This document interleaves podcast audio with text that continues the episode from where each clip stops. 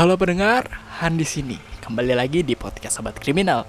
Tak lupa juga dengan moto kita, learn about crime, not be criminal. Belajar kejahatan, bukan jadi penjahat. Oke oke, pada episode sebelumnya kita udah membahas tentang apa itu kejahatan dan bagaimana grading kejahatan menurut kriminal law. Kita kali ini akan membahas tentang pelaku kejahatan atau perpetrators.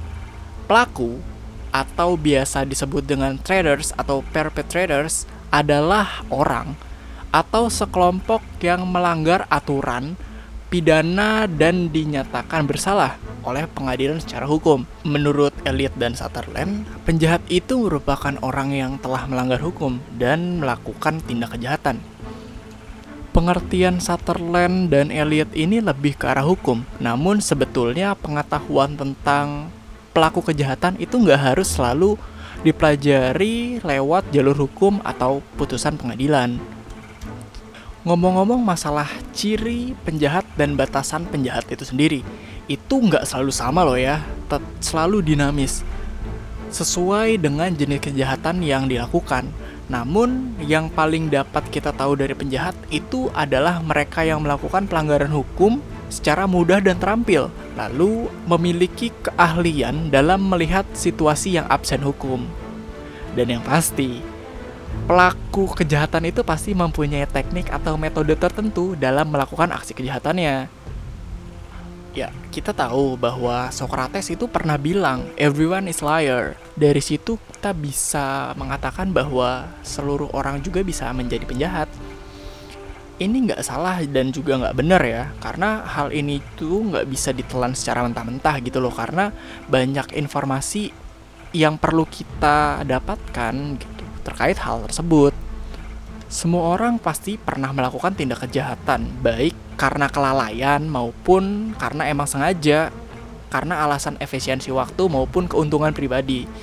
Biasanya yang paling gampang sih kita sering banget nih nemuin saat kita itu dilema mau melewati lampu merah di malam hari. Karena emang nggak ada yang ngawasin nggak ada polisi juga kan. Karena nggak ada yang tahu kalau kita ngelanggar akhirnya kita nerobos lampu merah. Kurang lebih ya gitulah analogi yang paling gampang tentang konsep kejahatan dan pelaku kejahatan terjadi.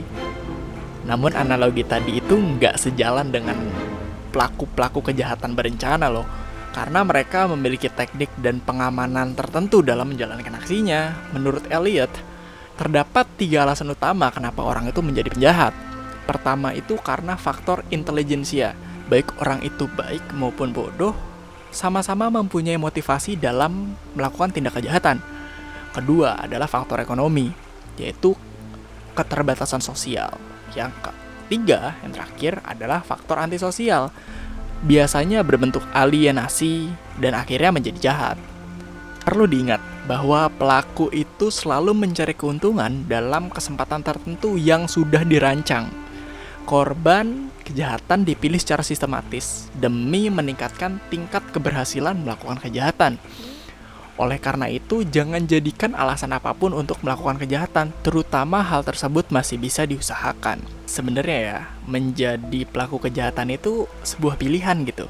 Dan konsekuensinya juga tanggungan dari pilihan tersebut, ya kan? Oke, pada kesempatan kali ini gue rasa cukup. Nanti takutnya kepanjangan loh. Jangan lupa buat mampir-mampir dan belajar hal baru di podcast ini ya. Belajar kejahatan bukan jadi penjahat. See ya!